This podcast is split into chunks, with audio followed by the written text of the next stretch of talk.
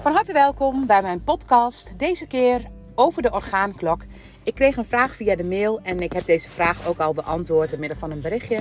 Maar ik dacht het is misschien ook leuk om deze nog in de podcast te benoemen. Ik zit op dit moment toch in de auto te wachten voor de dansles. En ehm, nou, ik denk dat uh, deze inzichten wellicht ook een inzicht kan zijn voor andere mensen. Als je kijkt naar de orgaanklok, en daar heb ik meerdere podcasts over opgenomen, dat er altijd uh, onze, hele, onze hele dag, zeg maar, spinnen er bepaalde tijden dat bepaalde organen extra aan het werk gaan. Nou, die, die uh, extra werking, zeg maar, die heeft ook uh, in de acupunctuur nog veel meer betekenis. Daar weet ik eigenlijk niet genoeg van. Maar de orgaanklok gebruik ik altijd wel en daar kom ik ook altijd uit. Um, dan weet ik eigenlijk als er bepaalde tijden zijn dat een kindje wakker is, dan weet je eigenlijk al waar het thema zit.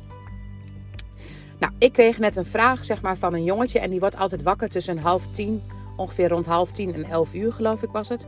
En um, nou moet je het niet heel nauw nemen met de orgaanklok, dat het echt, uh, het is tien uur en hatseklats het verandert. Maar het gaat een beetje in de breedte zin, zeg maar. Dus het is belangrijk om eventjes te kijken, zeg maar, van welke tijdstippen, zeg maar, zijn, um, horen hierbij. En um, wat je bij de orgaanklok kunt zien is dat de tijdstippen dat een kind wakker wordt, dat het iets zegt over de meridiaan of het orgaan waar op dat moment de meeste energie, energie naartoe gaat. En dat, dat orgaan is op dat moment het hardst aan het werk.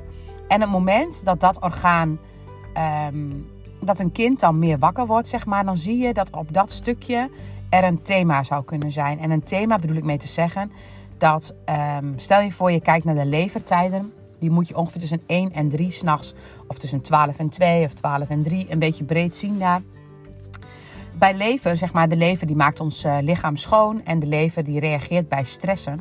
En uh, dat gaat over alle stressen, dus het gaat over voedingsstress, over uh, stress van de dag, over um, omgevingsstress, gewoon emotionele stress.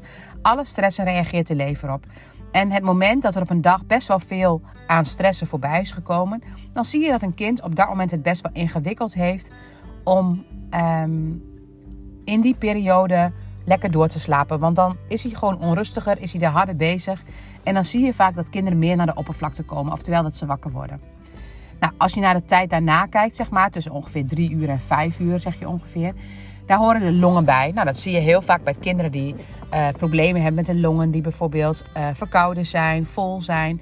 Die zie je op dat tijdstip benauwd worden of vol worden. Nou, het tijdstip wat daar weer onder komt is de dikke darm. En zo heb je dus allemaal tijden. Maar voor de lever hoort de galblaas. Nou, dat tijdstip hoort in dit geval er nog niet bij. Maar daarvoor is de drievoudige verwarmer. En dat is best een ingewikkelde. Uh, dat past heel erg in de acupunctuur. In de osteopathie word je daar iets anders in opgeleid. Maar de drievoudige verwarmer, dat gaat over energiesystemen in ons lichaam. Um, hoe krijg je energie? En hoe gebruik je energie? Het gaat over de energie. En het gaat over energie van zuurstof, want dat is ook energie. Energie van voeding. En ook hoe laat je bepaalde energie los en hoe kun je bepaalde energie bij je houden, want dat is belangrijk voor je. Dus wat is goede energie voor jou en wat is minder goede energie voor jou? Nou, als je naar de drievoudige verwarming kijkt, dan doet het natuurlijk in het lichaam heel veel ten aanzien van de zuurstofhuishouding en ten aanzien van de voedingshuishouding. Maar het gaat ook met name over de manier waarop jij omgaat met energie energie in de breedste zin van het woord. Dus stel je voor, ik zou echt bergen energie hebben. Dan kan het zijn dat ik echt al mijn kruid verschiet. Dat ik dus al die energie erin gooi. En het kan ook zijn dat ik dus altijd tot aan het naadje mijn eigen energie opmaak. Dus eigenlijk een beetje voor te stellen als een auto die je volstopt met benzine. En die je steeds helemaal tot aan het naadje um, leegrijdt dat er echt bijna geen energie meer is. En dat het echt bijna helemaal leeg is. En dat het spannend wordt om het gebied van energie. Maar dat je nog steeds probeert om het door te gaan. En dat je vervolgens zeg maar gaat tanken. Oh, dan ga je tanken. Nou, weet je, dan komt er een bepaalde stress op het systeem van energie. En die stress op het systeem van energie. Sommige mensen, daar voel je dat aan. Die hebben dat. Die hebben zeg maar, die gaan echt, die zijn vol energie. En dat is ook super cool dat ze zo vol energie zijn. Alleen het moment dat je steeds vol energie bent en ook al je kruid verschiet van de dag dan eet je bijna omdat je zo verschrikkelijke honger hebt dat je even weer zeg maar maximaal moet eten om dan vervolgens weer verder te kunnen. En stel je voor je kijkt naar de auto en het gaat over de benzine die je in de auto stopt, dan en je hebt hem helemaal leeggereden, oh, dan ben je helemaal opgelucht dat er eindelijk weer benzine is. Terwijl je ook zou kunnen kijken naar benzine als middel om vooruit te komen. En die je gewoon steeds even aanvult, omdat het zo belangrijk is. En het laatste, dat geeft veel meer rust. Dan is er geen gedoe ten aanzien van het aan en uitgaan, aan en uitgaan en aan en uitgaan. Dus het moment dat je als kind deze neiging hebt, dan ga je waarschijnlijk helemaal vol je energie totaal verbruiken om vervolgens weer te eten. En wat zou je dan zeggen? Nou, misschien zou een kind bijvoorbeeld onderweg af en toe eens wat hapjes moeten krijgen om te zorgen dat het, ehm, eh, nou, dat het niet helemaal die volle energie elke keer op moet krijgen.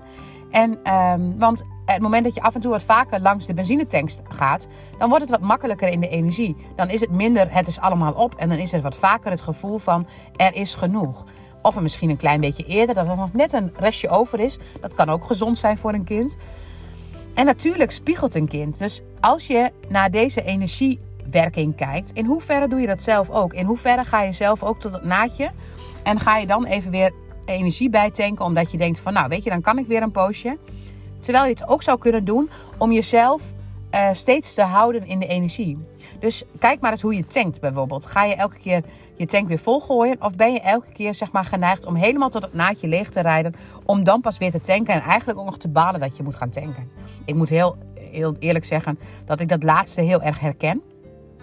Maar um, kijk voor jezelf eens of daar een logica in zit. Hoe ga je om met de energiehuishouding? En Ga je helemaal tot het naadje of mag je ook jezelf eerder weer voorzien van energie? En kun je dan die energie ook zien als iets fijns omdat je het hebt? Of ga je, het gebruik, ga je energie tanken het moment dat je echt noodzaak hebt daarvan? Dus ga je slapen als je echt denkt dat er noodzaak is? Of ga je ehm, eten als je echt denkt dat er noodzaak is? Nou, dat is de energie van de drievoudige verwarmer. Misschien leuk om eens mee te gaan experimenteren. Om eens te kijken of je wat eerder naar, de benzine, naar het benzinestation zou kunnen gaan. Eerder naar het benzinestation van je kind, maar ook eerder naar het benzinestation van jezelf. Dankjewel voor het luisteren.